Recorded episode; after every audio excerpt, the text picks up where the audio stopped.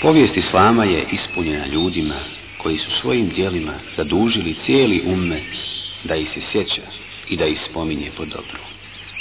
Predvodnici u tome su svakako prva četvorica halifa, nazvani El Hulefaur Rashidun ili pravedne halife.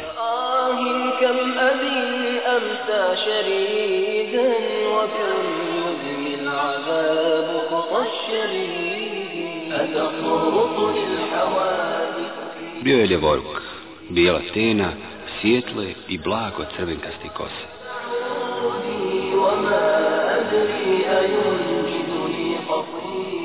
Primio je islam kada mu je bilo 35 godina, šeste godine nakon poslanstva. Prije njega iz njegove porodice islam je primilo osam osoba.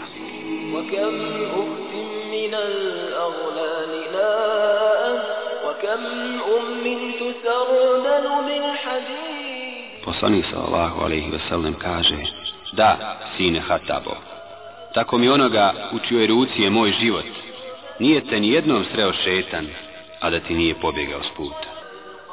Puno ime mu je Omer ibn el-Hatab, ibn Nufejl, ibn Abdul Uza, ibn Rebah, ibn Abdullah, ibn Kurt, ibn Rezah, ibn Adi, ibn Kaab ibn Luej.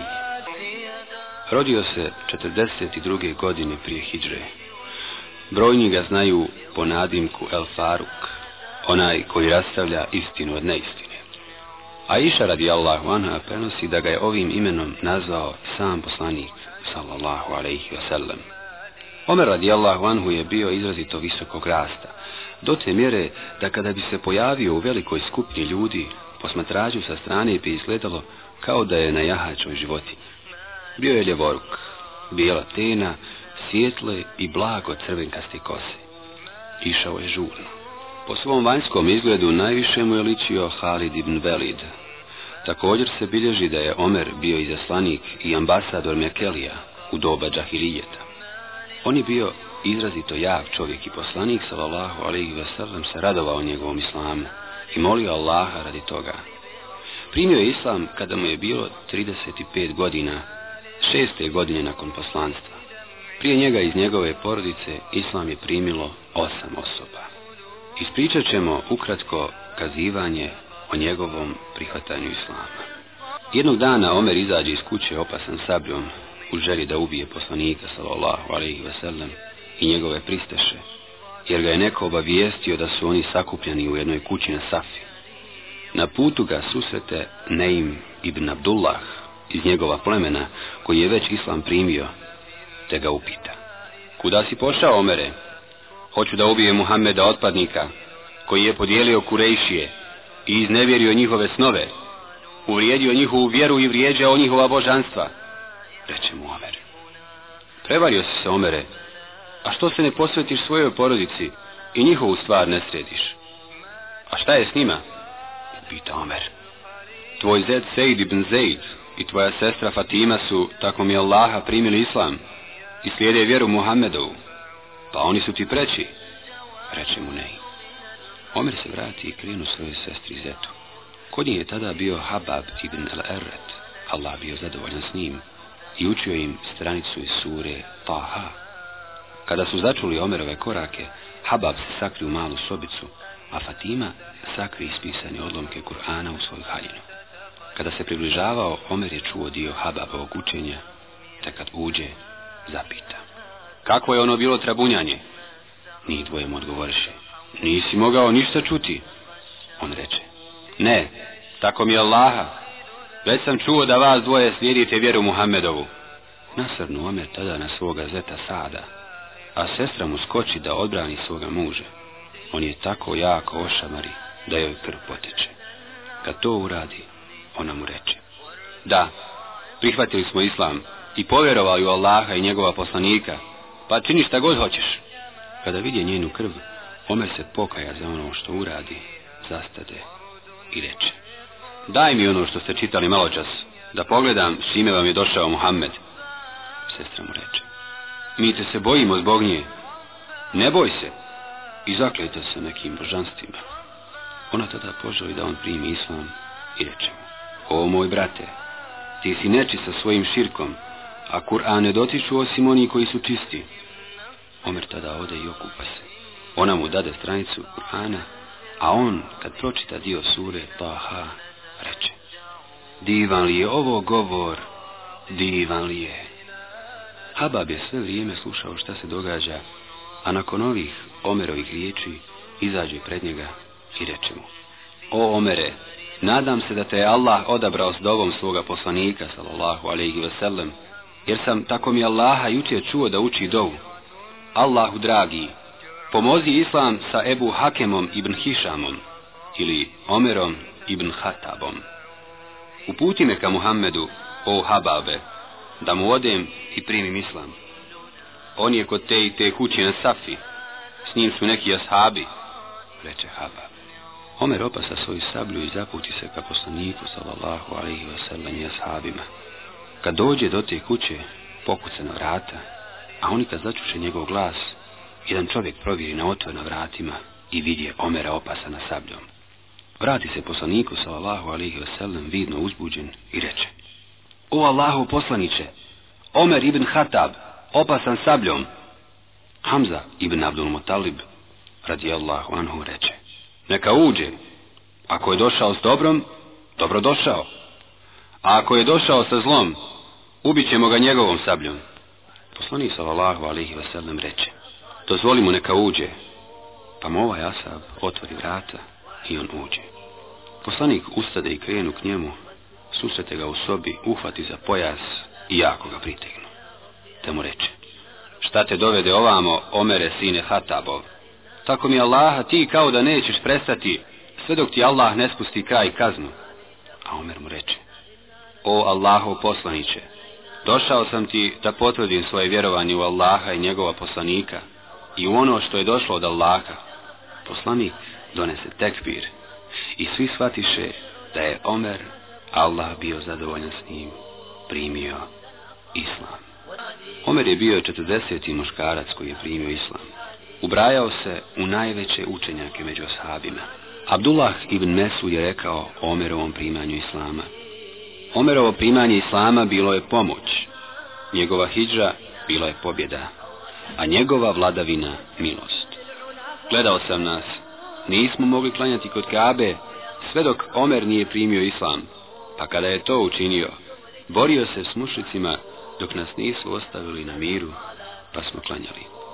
Nakon prihvatanja islama, Omer radijallahu anhu bjaše preporođen. Njegovo srce je zadovoljno samo u blizini poslanika salallahu alihi wasallam. On je poput nenapojenog koji pije sa izvora mudrosti istine. Bio je sa poslanikom u najtežim trenucima za islam i muslimane. Po prirodi je bio takav da nikome nije laskao, nije se stidio istine, niti se bojao laži i njenih nosilaca. I zbog svega toga, poslanik sallallahu alaihi sellem ga je često puta zaduživao raznim funkcijama. Jednom prilikom poslanik sallallahu alaihi sellem je rekao Vidio sam u snu da mi je donesena čaša mlijeka, pa sam se napio iz nje, a ostatak sam dao Omeru ibn el-Hatabu. Upitali su, kako to tumačiš, o Allahu poslaniće? Mlijeko je znanje, odgovori on. Nakon što je halifa Allahov poslanika sallallahu alaihi wasallam preselio na Ahiret i Omer ostavio u emanet vladavinu hilafetu, muslimani su to prihvatili i potvrdili. Omer je u svojoj nastupnoj hudbi između ostalog rekao O ljudi, ja sam samo jedan od vas i da nisam prezirao da odbijem naredbu nasljedniku Allahova poslanika, ne bih se prihvatio toga. Potom je Omer uputio dovu Allahu uzvišenu Allahu moj, ja sam grub, pa me učini blagim. Allahu moj, ja sam slab, pa me ojačaj. Allahu moj, ja sam škrt, pa me učini zarešljivim. Nadimak, vođa pravovjernih, je dobio jedne prilike kada ga je jedan izaslanik zovno O vođo pravovjernih! Od tada svi muslimani prihvatiše ovo ime kao titulu za vođu vjernika u hilafetu. Nedugo poslije dolaska Omera na pročelje islamske države, pojaviše se razna nagađanja o Omerovoj grubosti i strah od Kad je to čuo, odmah je sazvao ljude u mesčic i održao im hutbu. Obaviješten sam da se ljudi boje moje strogosti. Bio sam sa poslanikom i bio sam mu kao robi sluga, a on je bio najblaži i najmilostiviji bio sam uz njega kao na sablja, sve dok me ne bi smirio ili mi dozvolio da sjećem, sve dok ga Allah nije uzeo sebi. Bio je zadovoljan sa mnom i hvala Allahu, ja sam s njim još zadovoljniji. Zatim je vojstvo muslimana preuzeo Ebu Bekr. Niko ne može negirati njegovu staloženost, plemenitost i blagost. Bio sam njegov sluga i pomoćnik. Neću dozvoliti da se nekome nasilje učini ili da mu se uskrati pravo ili da nasilnika ne pokorim da bi se on pokorio istini. Na meni je da vam povećam životni standard i primanja i da sačuvam vaša prava. Na meni je da vas ne dovodim u propast i da vas ne odvajam dugo s od vaših porodica. Bojte se Allaha, o Allahovi robovi, pomozite sami sebi tako što ćete biti pokorni.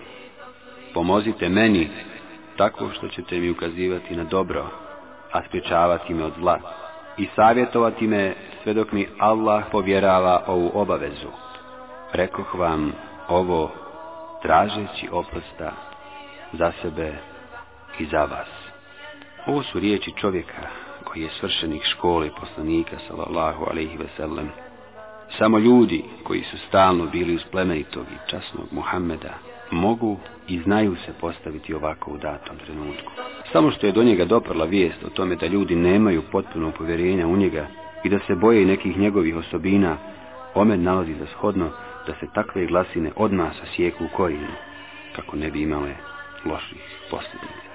Omer radijallahu anhu nastavi sa započetim vojnim operacijama protiv surovih Perzijanaca, dva ključna čovjeka u ovome su bili čuveni muđahidi, Ebu Ubejde i El Musenna ibn Haris, Allahu anhuma. Njihov protivnik je bio čuveni perzijski vojskovađa Rustem sa ogromnom vojskom. Istaknute bitke u ovom periodu su bitka na Jermuku i bitka na Kadisiji, koje su Allahovom milošću i zahvaljujući dobroj organizaciji hrabrosti muslimanskih vojnika završene uspješno. Veliki dio Perzijanaca je prihvatio islam, te je došao kraj Perzijskog carstva. Nakon osvajanja kuca, u koji je zahtjev njegovih stanovnika lično dojahao i Emirul Mu'minin, te je tamošnjim stanovnicima napisao garanciju za slobodno ispovjedanje vjere i običaja, vojskovođa Amr ibn As dobiva novo naređenje, oslobađanje Egipta. Omer radijallahu anhu je bio halifa deset godina i nekoliko mjeseci. U ranu zoru, u srijedu četvrtog Zulhidžeta, 23. godine po Hidži, ili 643. godine po Isao alaihi selam, halifa Omer je izašao da predvodi vjernike na sabah namazu. U toku namaza podmuklo sleđa ga je napao Firuz Ebu Lulu, te ga je probao više puta. Nakon što je ranio još nekoliko muslimana, u bijegu Firuz je ubio i samog sebe. Kada je Omer čuo ime svoga tentatora, rekao je Hvala Allahu, koji nije učinio da se moj ubica sa mnom raspravlja na sudnjem danu radi seđde, kad je on nikad nije ni učinio. Od ranjavanja do smrti je proteklo nekoliko dana, koje je Omer iskoristio za razmišljanje o strategiji muslimana i njihovim problemima. Nakon što mu se je približila smrt, oporučio je svome sinu. Štedi u mojim čefinima, jer ako imadnem kod Allaha dobra, zamijenit će mi ih sa boljim. A ako ne, skinut će mi njih. Nemojte pretjerivati oko mog mezara, neka ne izlaze za mnom žene, nemojte me hvaliti sa onim što nije pri meni, jer Allah najbolje zna o meni. Kada me ponesete, požurite, jer ako mi bude kod Allaha dobro, odnijećete me ono što je bolje za mene, a ako ne bude, prije ćete se osloboditi zla kojeg nosite na vašim vratovima. Ubrzo, nakon ovih riječi, Hazreti Omer je preselio na Ahiret. O značaju i karakteru ličnosti kalife Omera jasno govore brojni hadisi. Pa tako poslanik sallallahu alaihi kaže u jednom hadisu kojeg prenosi Ebu Hureyre. U narodima koji su bili prije vas bili su nadahnuti ljudi, pa ako u mom ummetu bude i jedan, to je Omer.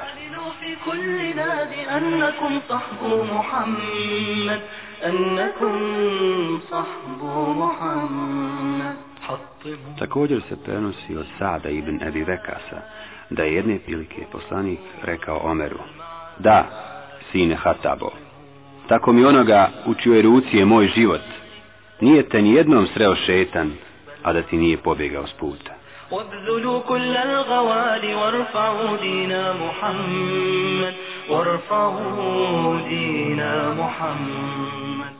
Na veličinu Homerovi osjećajnosti podsjeća nas povijest i to onda kada se Resulullah sallallahu alaihi sam razbolio.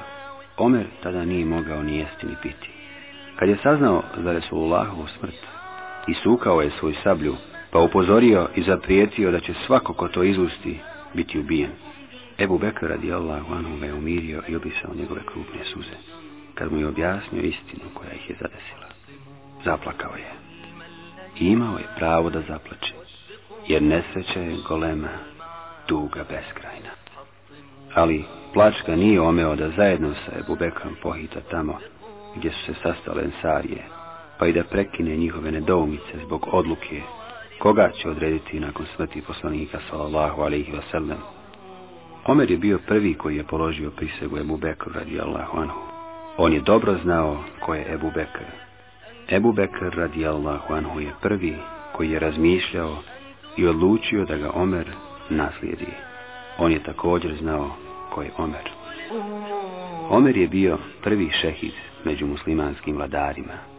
Ubijen je pred javnošću, a ne ponisno.